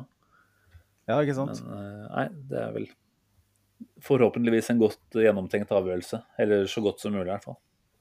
Ja. Um, vi fikk jo Skal vi mestre å ta med alle spørsmåla, så Sivert Eriksen har vært inne og spurt uh, angående Europaligaen. Um, Syns du vi bør spare nøkkelspillere i Europaligaen, spør han. Det er jo et godt spørsmål. Nå, jeg ville tenkt motsatt, egentlig. Uh, der vi er i Premier League per i dag, har vi veldig, veldig små sjanser for å få en europaplass uh, via ligaspill, tenker jeg. Og da, så lenge vi er i Europaligaen, så tenker jeg vi må gå all in for å komme så langt som mulig der. Det er i hvert fall min, mitt klare syn på det. Det er Teta som, eh, som får den jobben og vurderer det, heldigvis, og ikke, ikke oss. Men jeg, er, eh, jeg syns det er litt vanskelig, faktisk. For det, eh, vi, vi, vi, vi, trenger gode resultater i ligaen nå av de årsaker vi har snakket om tidligere her. og Samtidig som vi må prøve å komme oss videre i Europaligaen. Så da, som vi, vi snakka om den PP versus Aubameyang eh, f.eks., eh, at vi har noen posisjoner hvor vi har flere spillere som kan gå inn og prestere, da. Så tenker jeg at nå, nå har tida kommet for å være smart og rullere. Hvis du tenker at uh, City-kampen f.eks. er en kamp hvor vi sannsynligvis kommer til å tape. Eh, at vi kanskje bruker de beste forsvars forsvarsspillerne våre, men setter inn en Martinelli-type som kan finne på litt på egen hånd, men sparer en, eh, en Saka da, eh, til en Befika-kamp. Eh, tenker litt sånn og kan rullere litt ut ifra hva slags motstander eh, vi har. Ikke bare kvalitetsmessig, men nå hva slags type motstander det faktisk er. Da. Mm. Nei, Det er som du sier, det blir spennende å se hva, Arteta vurderer der. Kunne bare for moro skyld ta med eh, hva oddsselskapene eh, anser våre muligheter for i henholdsvis Europaliga og en topp fire-plass. Altså både en europaligaplass eh, eller en europaligaseier i jo Champions League, og det er jo som kjent også en topp fire. Eh, skal vi se jeg ser at uh, Nå husker jeg ikke helt hvordan det der uh, engelske oddssystemet funker, men på en europaligaseier så settes oddsen vår til Det kan ikke være riktig. Nei, det er gamle tall. Sorry. Uh, OK. Jeg tror jeg nesten, nesten må stryke dette her, det var dårlig, dårlig planlegging fra min side. Eh, det er gamle oddstall som jeg finner nå. Eh, nå har ikke jeg vært inne og sjekka oddschecker eh, på forhånd, så da tror jeg kanskje vi stryker den. Hvis ikke det er veldig interessant, så kan jeg for så vidt komme tilbake til det. Ja, ja jeg har ikke noe å bidra med der heller. Jeg har ikke sjekka. Nei. Poenget mitt, som jeg trodde i hvert fall jeg kunne få bekrefta, var jeg tror det er større sjanse for at Arsenal vinner Europaligaen enn at vi tar en topp fire-plassering. Og derfor tenker jeg at det er vanskelig å ikke gjøre alt uh, i vår makt for å gå så langt som mulig i den turneringa, da. Nei, det blir jo, det blir jo et sjansespill hele veien. Um, man må på en måte balansere det best mulig. og det blir en, en ny test for en, en, ung manager, tenker jeg. Uh, Yes. Vi får flere svar nå uh, enn kanskje noen gang eh, når det gjelder Arteta. Uh, hvordan takler han den perioden som kommer nå? Uh, Mm. Og um, hvis det kommer skuffelse, hvordan klarer han å løfte laget uh, resten av sesongen? Eh, Jeg håper at vi får, eh, vi får noen hyggelige vårmåneder nå, hvor vi kan eh, få noen spennende europacupmatcher og kanskje til og med en sånn eh, et, Tennes et lite håp med tanke på en topp seks i, i PL. Du blei plutselig den mest optimistiske på den podkasten her, Magnus. Ja, Uke seks, vet du. Det er en bra uke. Da tennes håp igjen. Ah, vakkert. Det er vel eh, for så vidt et godt sted å runde av på. I hvert fall denne delen. Og så syns jeg jo at eh, det er eh, et fint oppspill til deg sjæl, som skal eh, skal vi si, kanskje litt tilbake i tid og presentere X-spilleren i den faste spalten vår. Er sånn at du har eh, sittet timevis og flekka på, på dette kunstverket her, eller? Det kan jeg vel ikke påstå, men uh, det har vært litt mer hektisk. uh, både med jobb og hjemmebane og alt siste par ukene, så jeg måtte sette meg ned på søndagskvelden sånn i 10-11-tida og Mm. kutte ut, kutt ut søndagsunderholdninga på TV og bare skrive den her nå. Dedikasjon. Og det, Ja, men eh, er det mange som setter pris på. Det er jo litt kult det at du, du får jo noen tilbakemeldinger etter hvert på at den X-spillerspalten, den, eh, den slår an hos mange, den. Så det er vel kanskje litt ekstra motivasjon til å fortsette òg. Absolutt. Veldig glad for, eh, for tilbakemeldinger på det, og ikke minst eh, forslag til, til nestemann på, på lista. Det gjenstår jo noen hundre Arsenal-spillere. eh, så får vi håpe at det ikke har brent, brent alt kruttet. For det er klart eh, Sitter av og til og vurderer hvem jeg skal skrive om, og så eh, tenker jeg at vi, det er ganske mange som ikke er så veldig mye å si om heller. Så. Men eh, jeg tenker jeg får bare gønne på, jeg. Ja, jeg venter i spenning på hvem du skal servere i kveld. Så bare, bare gønne på, du. Vær så god. Han hadde et fantastisk blikk for spillet, og når humøret hans var på topp, kunne han nærmest på egen hånd inspirere laget til triumfer. Samtidig kunne han forsvinne litt inn i seg selv og ha den motsatte effekten på lagkameratene. Høres det kjent ut? Vel, som Arsenals ubestridte ener fikk dagens X-spiller særbehandling av manageren, og var mest tilfreds da han kunne gjøre som han ville på treningsfeltet. Lagkameratene reagerte negativt på stjernenykkene, men forsto samtidig at laget var avhengig av hans geniale evner. Divisjonens mest kreative spiller måtte fintunes for å kunne fyre på alle sylindere. Nei, nei, det er ikke han dere tror. Kjent som en målfarlig angriper ankom han fra en annen prestisjetung klubb ved behov for en utfordring. The Gunners nye stjernesignering hadde noe å bevise. Han måtte levere fra første stund. Godt opp i 20-åra som han var, ble det forventa store ting fra de som frekventerte gjennom Highburys turnstiles. Selv om den første nettkjenningen til manges forundring skulle drøye veldig, var det først og fremst hans evner som tilrettelegger og dirigent som skulle gjøre han til en av klubbens aller største legender, om ikke den største. Nei, det er ikke han heller. Faktisk så endte dagens mann opp som en dypt, dyptliggende tier etter å bli henta av en av tidenes aller største Arsenal-managere. Om ikke den største. Innovatøren og visjonæren Herbert Chapman hadde selvsagt sett noe som få andre evnet å se. Klubbens nye kjæledegge skulle kjæle, kjæle med kula midt på banen, men spillere som David Jack og Cliff Bastin skulle høste fruktene fra lagets nye assistkonge. På denne tida var det fortsatt mange tiår til man begynte å registrere målgivende pasninger, og man kunne bare spekulere i hvor han ville vært på rankingen.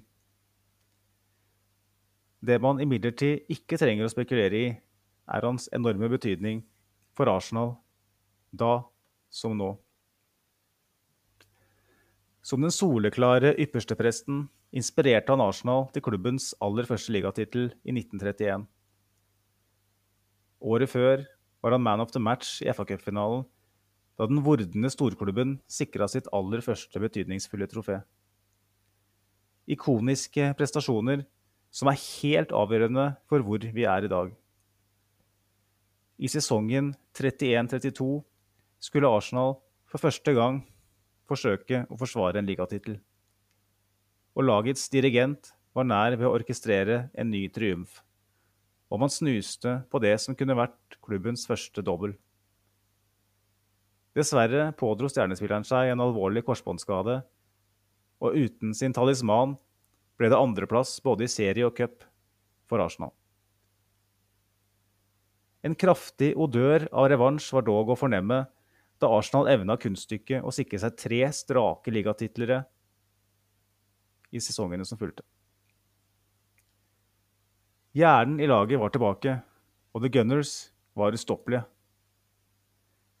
I denne gullalderen mista Arsenal også hjernen utafor banen, da manager Herbert Chapman dessverre døde i 1934. Men med dagens X-spiller bak spakene på banen klarte klubben å opprettholde dominansen i flere sesonger. Da han la lærstøvlene på hylla i 1937, hadde klubben allerede fem ligatitler i depresjonens tiår. Klubbens mest suksessrike desennium. Men med stjernens svanesang fulgte krigsutbrudd og magre år. Arsenal har aldri siden vært like dominante. Lagets posterboy fra 30-tallet er trolig den spilleren som bør føle seg mest snytt for ikke å være blant de som har reist på sokkel utenfor Emirates Stadium. Som sir Matt Busby sa det. Han var den fantastiske playmakeren fra dypet. Da, Arsenals, da Arsenal angrep, var ballen alltid innom ham. Han ville, med en enkel kroppsfinte, parkere to-tre motstandere før han med millimeterprestasjon serverte Cliff Bastin eller Joe Holm. Hans evne til å styre Arsenals angrep var den aller viktigste grunnen til klubbens storhet. Under Herbert Chapmans ledelse hjalp han Arsenal til et nytt nivå, til toppen. Akkurat som en annen tier gjorde det i vår tid, under klubbens andre store visjonære skikkelse. Én kom fra Preston North End, den andre fra Inter Milan. I hvert sitt maskineri var det oljen som gjorde Arsenal til Englands soleklart beste fotballag. Arsen Wenger hadde Dennis Bergkamp. Herbert Chapman hadde Alex James. De to viktigste duoene i Arsenals historie. Uff. Det var en eh, skikkelig historieforelesning, dette er Marius. Marius? Magnus. du er ikke den første. Du er ikke den første. det er første gang jeg har sagt. Men uh, her må jeg jo si at uh, jeg, må, jeg, må, si takk for at du ga meg en liten heads up før uh, innspilling. For ellers så hadde jeg nok, skal jeg være 100 ærlig, slitt stort med å finne fram til, til hvem du var ute og, og fortalte om.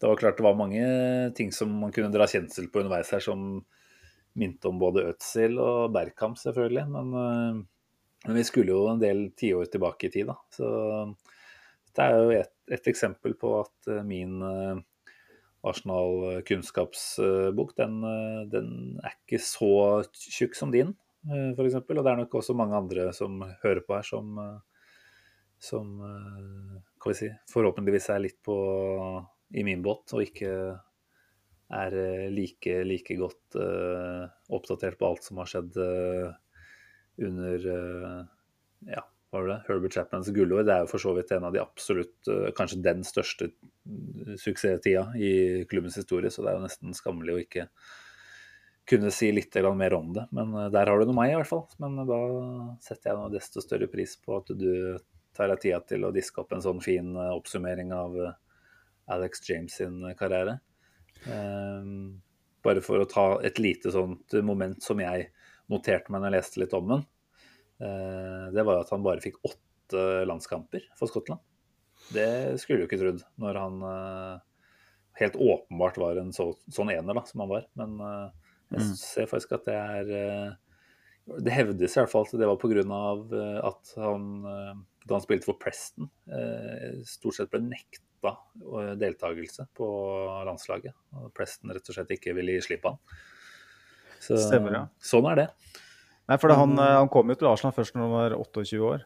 Ja. Eh, så det, det, er jo ganske sent. Eh, og um, han eh, det var, ikke, det var, ikke, så mange sesonger hvor han var, var i, i, klubben, tross alt. Han kom vel da i, i 1930, blir det vel. Og så Han la han opp i 1937, men han var jo mm. skada vel stort sett hele 36-37-sesongen. Eh, nå skal ikke jeg påstå at jeg husker det, eh, men det har, det har, jeg lest. Da. Så, det, så det var jo liksom han, eh, han, han, Jeg vet ikke hvordan Arsenal eh, så på hans eventuelle deltakelse med Skottland, men, men, det er viktig å påpeke at det ble heller ikke spilt så mange landskamper den gangen. Så åtte landskamper den gangen tilsvarer sikkert det tredobbelt uh, i dag. Uh, mm. Og um, han var den viktigste og beste spilleren på det beste laget i, i England i mange år. Så mm. han er han er også klart, Jeg har jo aldri sett ham spille, så det blir jo veldig feil av meg å sitte og si at uh, han burde ha vært, hatt en statue utenfor Emirates og sånn, liksom. Men nå går jeg ut ifra det som blir uh, gjenfortalt, og det som har blitt skrevet. Uh, så er det jo ingen tvil om at hvis Alex James var så god som historiebøkene skal ha det til, mm. så er jo kanskje han en av de fire-fem beste spillere gjennom tidene i Arsenal. Eh, mm. Kanskje topp tre, ikke sant. Det er, det er vanskelig å måle, måle, hva en fotballspiller på 30-tallet oppnådde kontra en fotballspiller på 90-tallet, 2000-tallet osv. Eh, men uh, det er jo på en måte, det er ikke noe vi heller skal bruke mot en, en Alex James. Og han ble vel nummer 46 på den kåringa på Arsenal.com. Mm, det, det er umulig for han å nå opp der, for det er fansen som stemmer. Uh, Sånne som meg. men det er klart at det her har vi med også når jeg, når jeg skal lage de X-Filler-spaltene, så tenker jeg at en gang iblant så kan jeg dra på noe sånn skikkelig gammelt. Jeg hadde jo Ted Drake for noen sendinger siden. og Jeg føler jo jeg har brukt opp uh, den store gullkalven her. Alex James var den jeg gleda meg mest til. uh, men jeg tenkte jeg hadde liksom sittet og ivra lenge nå på at jeg har lyst til å ta Alex, Alex James. Uh, det er, for det, det lærer jo mye sjøl òg. Mm. Det er moro, å, å, lese litt om de spillerne. Det er jo gitt ut en bok blant annet, om, om Alex James som det står noe utdrag ifra, som jeg har brukt. Um, blant annet den der sitatet fra, Matt, fra sir Matt Busby. Så den boka kunne jeg godt tenkt meg å, å lese. Hadde det ikke vært for tidsklemma, så kanskje jeg hadde gjort det òg. Ja. Jeg syns dette var veldig interessant, i hvert fall. Eh, bare for å Jeg vet ikke om du nevnte det, mulig at du gjorde det, men eh, det skriver, skrives om han på Wikipedia at han hadde revmatisme. Mm. Eh, hvilket førte til at han gikk med baggy shortser, så han kunne få plass til eh, The Long Johns. Det er vel da stillongs, kanskje, som han hadde under. Eh, for å holde varmen. Kanskje har vi der eh, noe å tipse Kieran Tierney om. Eh, er det et tidlig stadie av revmatisme hos Kieran Tierney, så er det bare å få på han stillongsen fort som F. Veldig, veldig morsomt poeng. Altså. veldig godt poeng. for det, men det kan jo, kan jo, for de som ikke kan noe som helst som Alex James, jeg vil jo tro det er ganske mange, for det er, det er få som er så nerder. Så de sitter og tenker 30-tallet når de skal lese seg opp på, på Arsenal. Men uh, bare søk opp Alex James Arsenal på, mm. på, Google, så vil du se det som du med de der baggy shortsa. Det er veldig karakteristisk. Nei, det er en rik historie hos den fotballklubben her, som mange andre for så vidt. Og det å få et litt bedre innblikk i hva som har skjedd eh, lang, før, lang, tid før vår eh, levetid, det, det syns jeg er kjempefint, Magnus. Så fra min side må du bare fortsette med dette her. Eh, de, de som spilte på 2000-tallet og framover til i dag, de har vi stort sett ganske grei koll på. Så dette her er jo rett og slett lærerikt.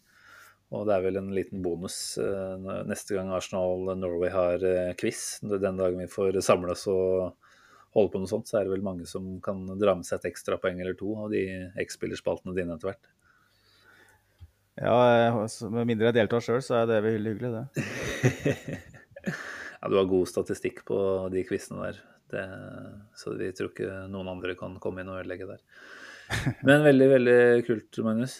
Nå ser jeg klokka flyr av gårde, og vi er over halvannen time allerede. Og det syns jeg er nesten imponerende på en dag hvor vi ikke trodde vi skulle ha så altfor mye å prate om, faktisk. Så jeg vet ikke om det er eh, klapp på skulderen eller slag i trynet vi fortjener. Eh, noen vil vel også si at det kan bli litt i lengste laget, men eh, vi har nå kost oss, har vi ikke det? Ja, da, jeg syns vi hadde en god progresjon eh, sånn stemningsmessig. Når vi ble ferdig med den nesten Villa-kampen, så har det vært veldig hyggelig. Altså. Ja.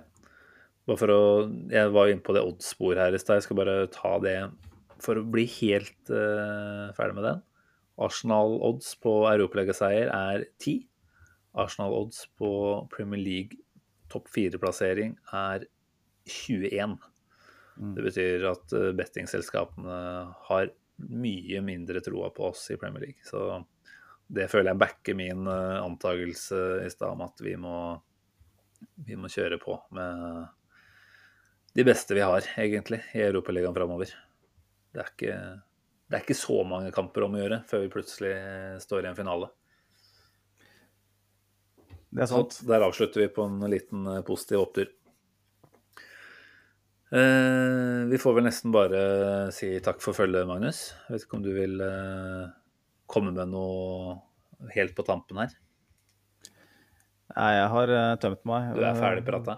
På sett og vis. Da får jeg bare avslutte med å si at at vi setter veldig stor pris på, da, som vi ofte sier. At folk er inne og bidrar med spørsmål og innspill og egne betraktninger. Vi er jo ikke bedre enn uh, våre medspillere i denne supporterskaren her, så jeg tenker at uh, når vi får med litt flere meninger uh, inn i pod, så gjør det, tror i hvert fall, de episodene litt bedre.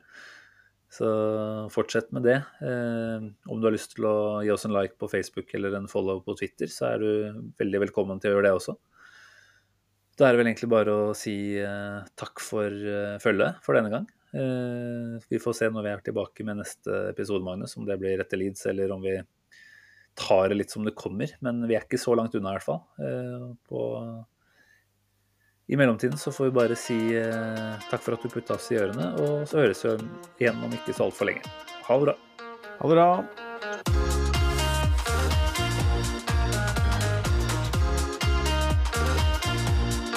This train terminates here.